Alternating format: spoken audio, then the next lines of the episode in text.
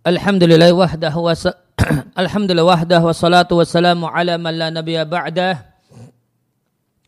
wa ala alihi wa sahbihi wa man tabi'ahum bi ihsanin ila yaumil qiyamah. Amma ba'd. Kaum muslimin dan muslimah rahimani wa rahimakumullah. Mulai kesempatan siang hari ini kita akan membaca dan mentelaah buku dalam tema fikih poligami. Ya, judul bukunya Ahkamu Ta'addudi fi Dawil Kitab wa Sunnati. Ya, ketentuan-ketentuan pernikahan poligami dalam perspektif Al-Quran dan hadis Nabi. Karya Syekh Ihsan Al-Utaibi. Hafizallahu Ta'ala.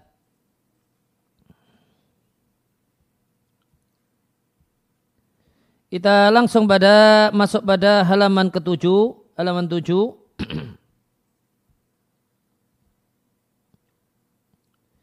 ya, dari penulis.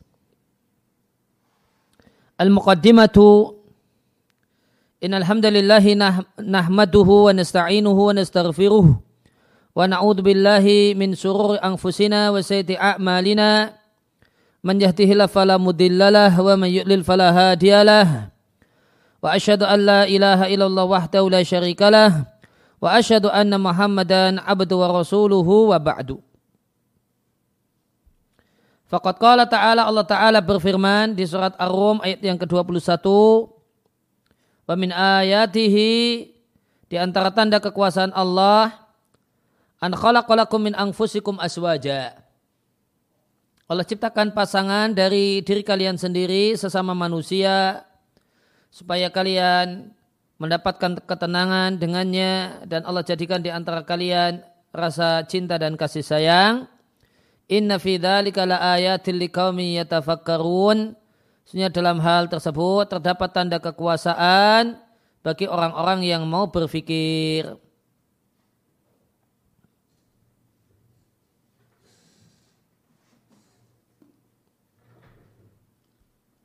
Sambil kita lihat tafsirnya di Al-Mukhtasar fit Tafsir.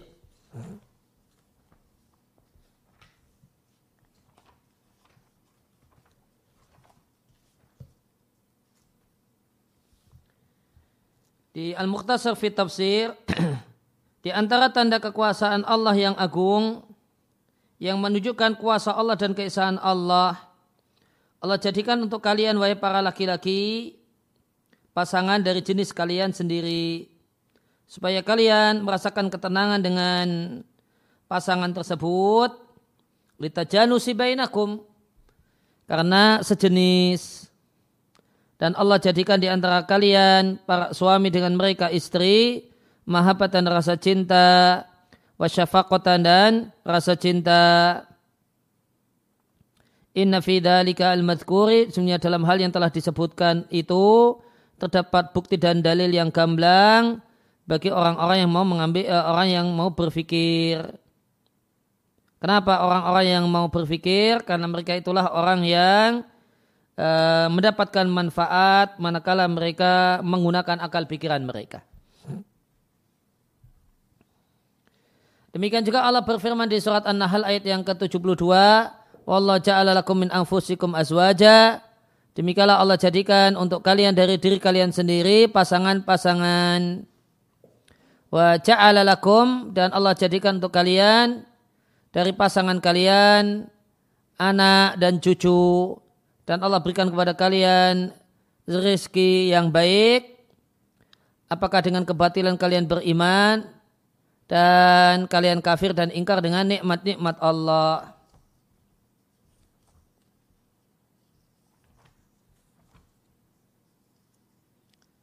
di An-Nahl 72.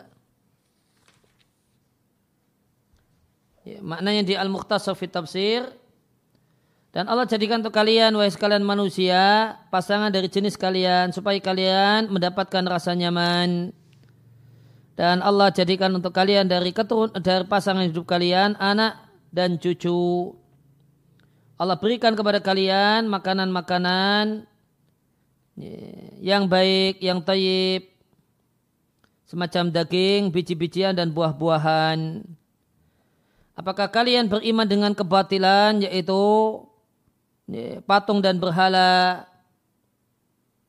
dan kalian ingkar dengan nikmat-nikmat Allah yang demikian banyak yang tidak bisa kalian hitung. Kalian tidak kalian mengkafirinya dan tidak bersyukur kepada Allah dengan cara beriman hanya kepada Allah semata.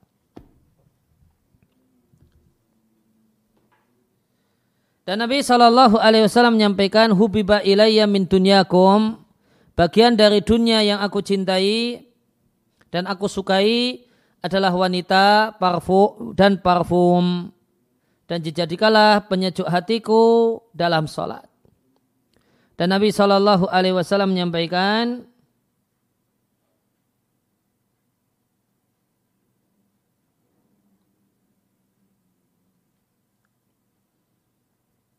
atau sebelumnya ada faedah.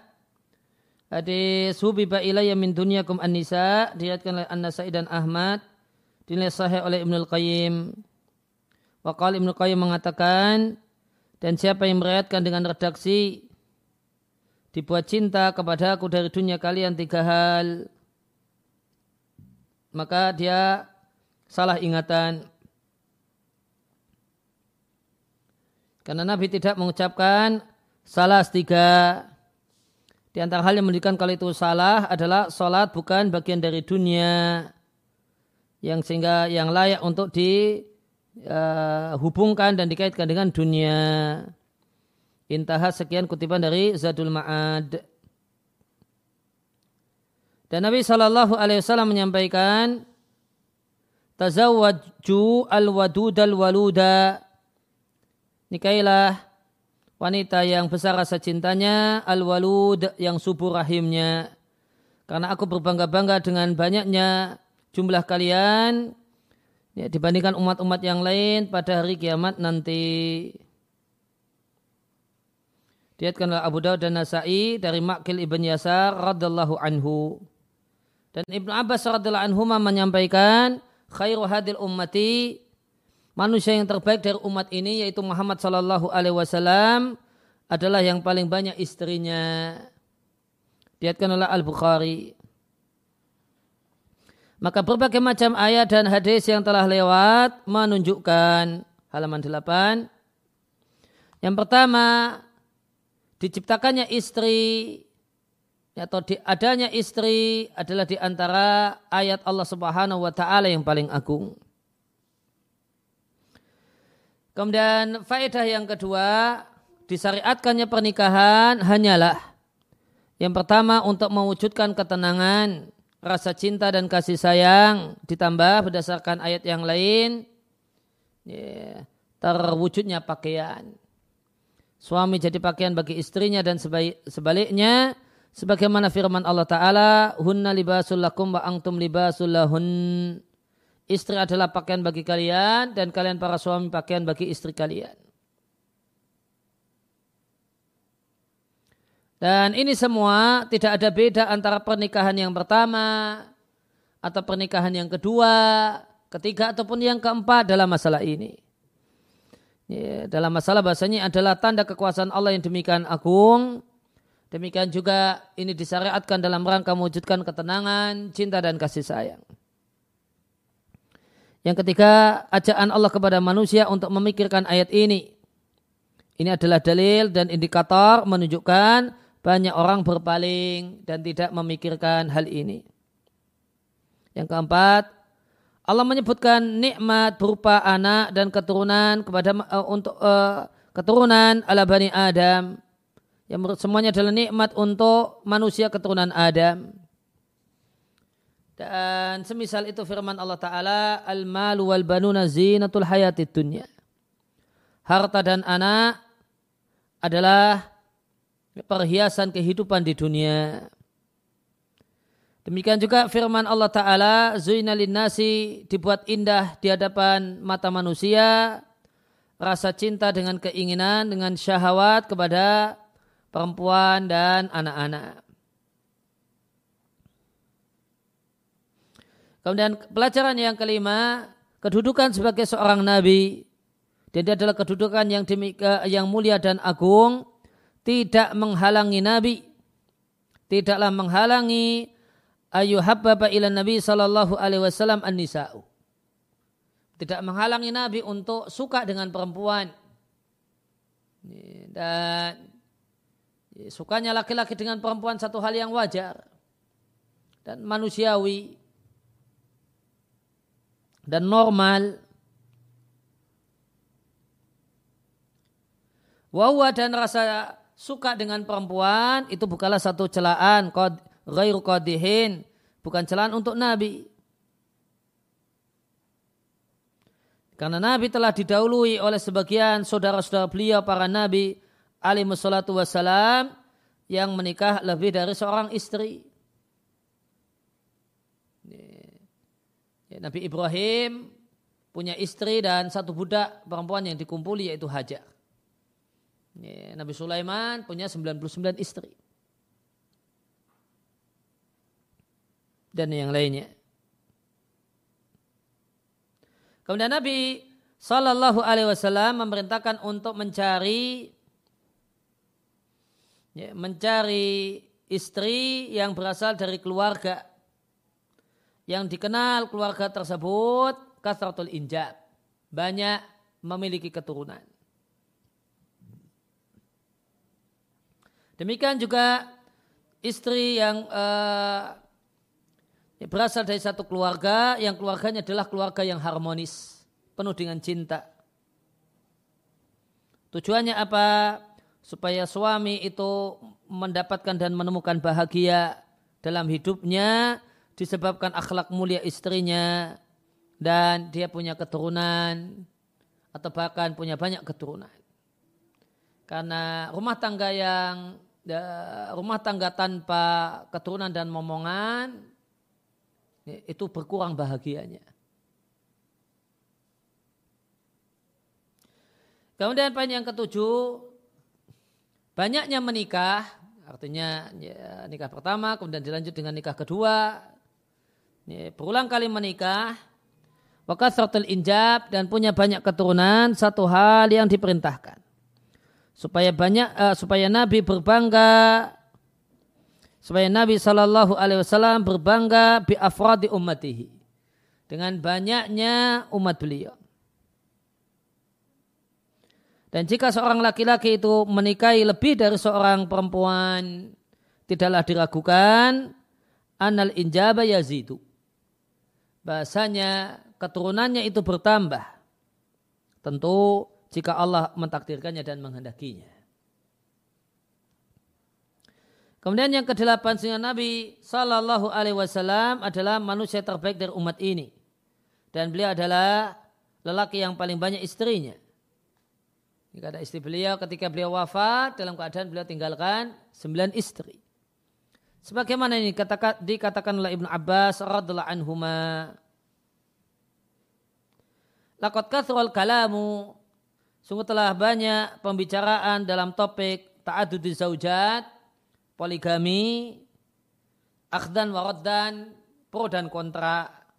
Dan buku-buku yang ditulis dalam topik ini laha wa ahdafun memiliki banyak tujuan dan target yang beda-beda di antaranya ada buku yang uh, kontennya isinya adalah motivasi untuk berpoligami ada buku berisi sanggahan terhadap subhat orang-orang yang mencela poligami.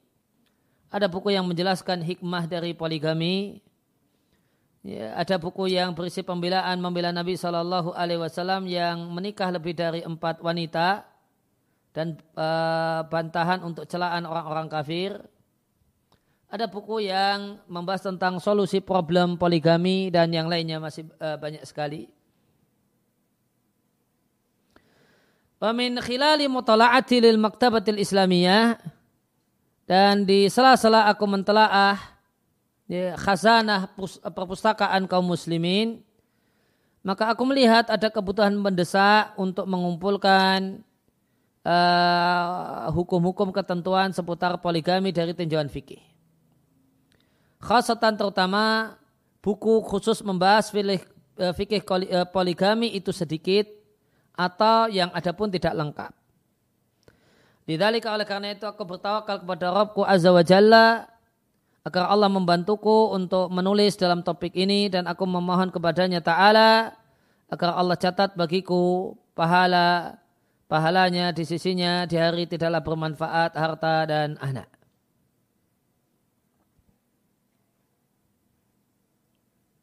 Ini catatan kaki tentang buku yang lain dalam masalah fikih poligami di catatan kaki satu wakot kata fihi akhi saudaraku Mustafa al Adawi telah menulis tentang fikih poligami risalatan satu buku. Beliau kumpulkan dalam bukunya tersebut beberapa sejumlah hukum-hukum poligami. Yang kemudian uh, fikih poligami tersebut kemudian diletakkan oleh Syekh Mustafa Al Adawi di bukunya Jami Ahkam di jilid yang ketiga. Kemudian ada Dr. Ahmad Ali Royan. Beliau punya buku dalam topik dalam topik ini poligami yang diberi judul Ta'adudu Zaujat Berpoligami wa mi'yaru tahakukil adalah dan parameter terwujudnya keadilan di antara istri dalam syarat Islam. Ya, Taba'ah cetakan Ali Itisam. Dan buku ini adalah jayidun wa mufidatun fil babi. Bagus dan berfaedah dalam masalah ini. Dan aku eh, telah mengambil faedah dari buah buku ini fil mawadik di sejumlah halaman di buku ini. Wa kuntum meskipun aku tidaklah melihat dan mengetahui dua buku ini kecuali setelah menulis setelah selesai penulisan buku ini.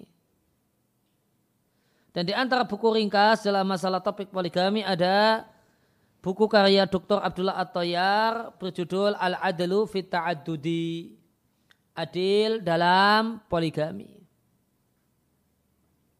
Kembali ke atas. Di antara faktor yang mendorong semangatku untuk menulis dalam topik ini, aku tanyai Ba'dal al-ikhwa eh, al-mu'addidin. Aku tanyai salah satu praktisi poligami. Aku tanyai tentang sejumlah hukum-hukum berkenaan dengan poligami. Falam ajid ingdahum jawabah. Ternyata aku tidak jumpai jawaban yang benar pada padanya.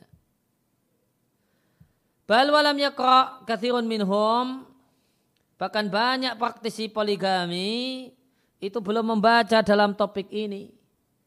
Topik fikih poligami belum pernah baca bukunya. Belum pernah membaca buku fikih poligami kau belajar zawaji sebelum dia menikah ya, dengan yang kedua dan yang ketiga atau yang keempat. Ini menunjukkan pentingnya ada buku khusus seputar poligami. Dan di antara tuhu di antara fenomena yang aku jumpai pada sebagian praktisi poligami dia adalah, adalah berbuat zalim kepada salah satu istri. Dan hal ini dikarenakan ketidaktahuannya dengan sebagian hukum syar'i seputar poligami. Hada demikian dan sebagian istri menuntut pada suaminya untuk bersikap adil.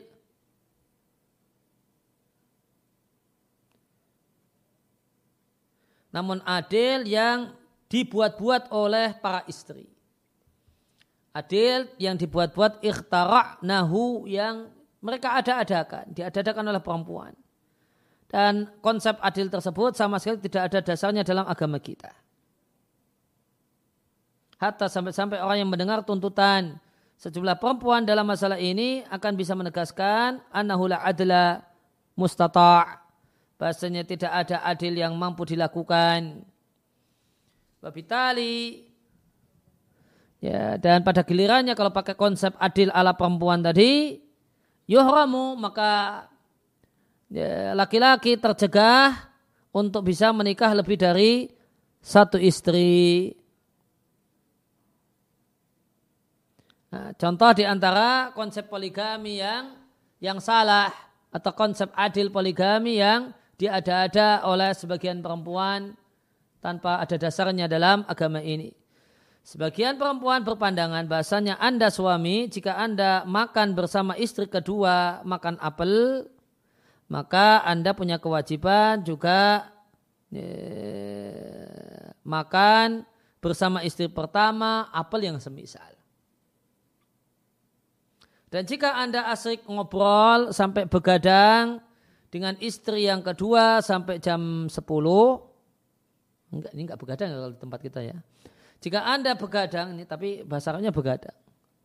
Ya, gada, begadang dengan istri yang kedua ngobrol sampai jam 10 malam. Maka wajib Anda melakukan hal seperti itu bersama istri pertama. Kemudian jika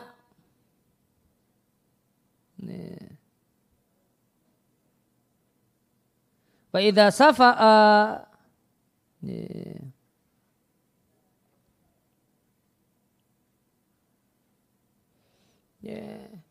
Wa idza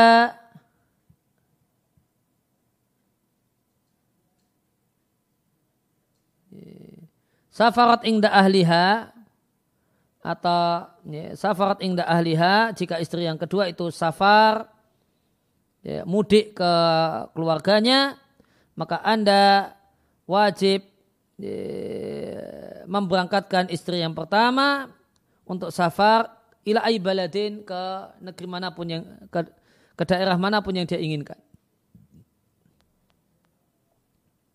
Kemudian wa idza qultalaha dan jika engkau berkata kepada istri yang kedua kalimat ghazalin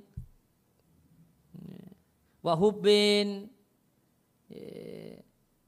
Ya, kalimat ghazal ya berarti kalimat-kalimat romantis gitulah. Ucapan romantis, ucapan-ucapan cinta kepada istri yang kedua, maka wajib ucapan tersebut dihafal betul-betul untuk juga diucapkan kepada istri yang pertama. Kadzalika sama persis. Dan jika Anda wahai suami menjimai istri yang kedua, maka wajib untuk Anda lakukan hal yang sama dengan istri yang pertama. Dan jika Anda tersenyum dan tertawa dan gembira bersama istri yang kedua, wajib bagi Anda untuk melakukan hal yang sama dengan istri yang pertama. Wahakata dan demikian seterusnya, imatin dalam daftar panjang yang tidak ada akhirnya.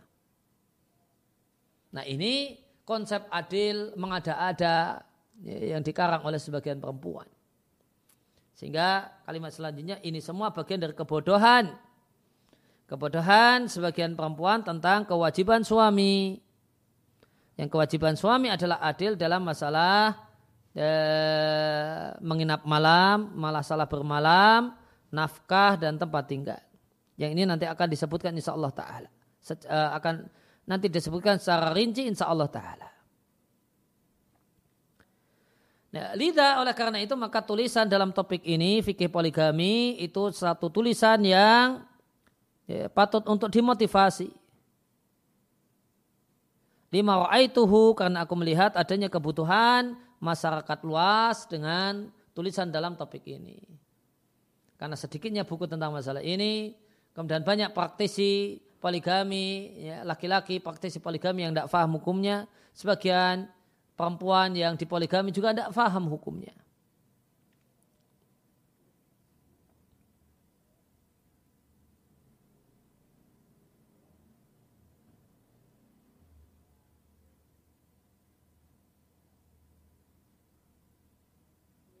Wakat balagha al jahlu dan ini dan kebodohan itu uh, sampai ke, uh, pada sebagian perempuan sampai pada satu level. Annaha ada seorang istri mendengar niat suaminya mau nikah dengan yang lain. Maka apa yang dilakukan? Bayatat lahu su'an bilailin. Maka dia merencanakan rencana yang jelek di malam hari yaitu dia bunuh suaminya khonqon dengan dia cekik dengan bantuan anaknya ketika suaminya dalam kondisi tidur.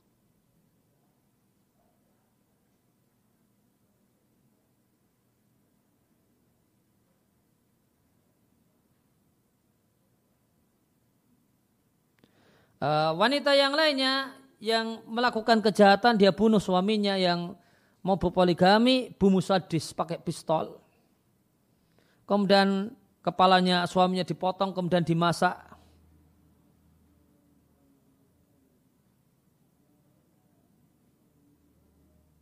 Kemudian dia cabuti jenggot suaminya dengan bantuan jarotin lahat tetangganya. Ada wanita yang ketiga mensihir suaminya. Wadarataha dan madunya.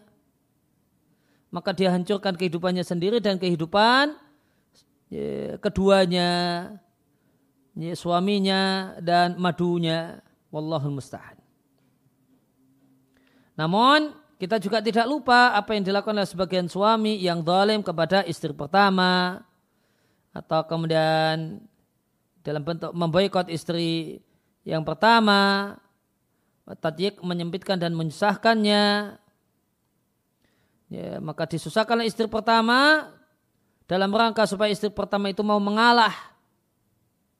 Ya. Mau mengalah an sodakiha supaya mau memberikan mahar yang dulu pernah diberikan oleh si suami. Kulu dalika itu semua disebabkan karena suami condong pada istri yang kedua. Maka aku lihat dan aku berpandangan bahasanya sebagian problem poligami ingda ba'dil mu'addidin pada sebagian praktisi poligami ya, problem tersebut maka uh, ya, maka adalah penjelasan hukum syar'i itu menjadi solusi psikologis dan uh, sosiologis laha untuk problem tersebut. Ya, ada sebagian problem poligami itu solusinya adalah penjelasan tentang hukum syar'i dalam masalah itu. Contohnya, al-halatul ula kondisi pertama ada seorang kawan muaddidin praktisi poligami dari istri pertama dia punya lima anak dan dia tazawwaj thaniyata hadisan baru saja dia nikah dengan istri yang kedua fakana maka lelaki ini fikolakin nafsin dalam kecemasan psikologis wa tawaturin ketegangan asobi sarap bisa babi tarki auladi yauman kamila karena seharian meninggalkan anak-anaknya Demikian juga cemas yang kedua, dia tinggalkan istri yang kedua sendirian seharian penuh. Ketika di istri yang kedua meninggalkan anak-anak di istri pertama cemas. Nanti di istri yang pertama, istri ke, e, kedua sendirian di rumah yang telah disiapkan cemas juga. Fakana mini al-iktirah atali maka aku memberikan usulan sebagai berikut kepadanya ayanama ingda Saibatin Naubah Ya, maka hendaknya saran si penulis, saran penulis Syekh Isan Al Utaibi ya malam itu tidur di di rumah eh, pemilik jatah ya, giliran. Ketika pagi tiba, maka ya tanawalu ta'amal iftar, maka menikmati sarapan pagi ma'athaniyati bersama istri yang kedua. Yaitu istri yang lainnya. Ini misalnya eh, ini jatah malamnya di istri yang pertama, nanti sarapan pagi kata beliau usul beliau di istri yang kedua. Ini jatah giliran malam istri yang kedua, sarapan pagi di istri yang pertama. Setelah itu pergi berangkat kerja. Lantas gimana? Wayakunu al makan siang, wakailullah istirahat siang itu di rumah istri yang punya uh, yang punya jatah giliran hari.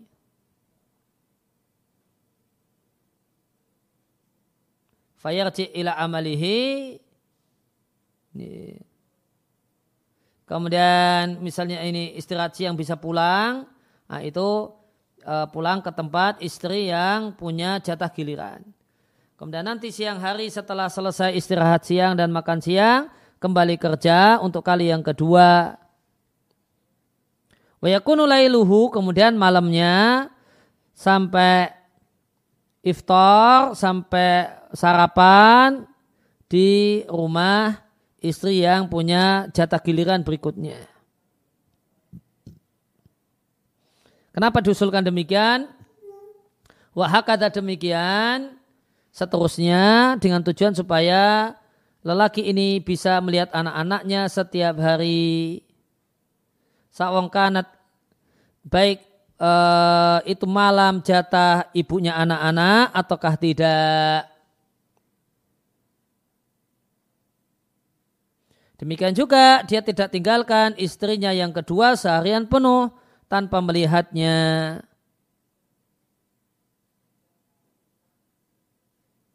Fakana fi hada, maka dalam usulan ini ternyata farajun azimun terdapat solusi yang sangat efektif.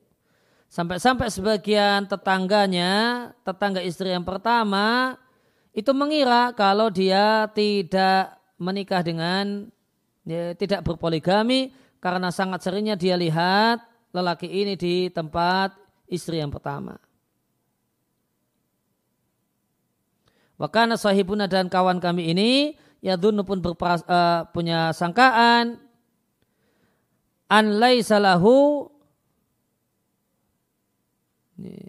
berprasangkaan bahasanya dia tidak tidak boleh melihat istri pertama dan anak-anaknya sehari penuh karena punya anggapan fikih bahasanya hari itu adalah hak istri yang kedua.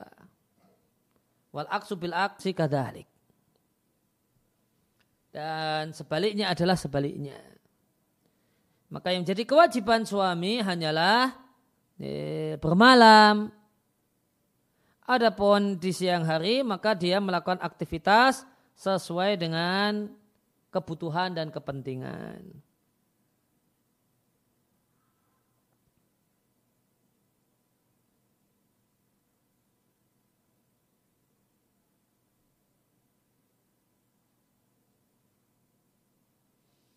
Ya, demikian uh,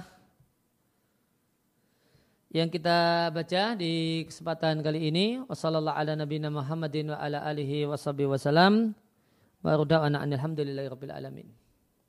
Subhanaka Allahumma wa bihamdika asyhadu an la ilaha illa anta astaghfiruka wa atubu ilaik.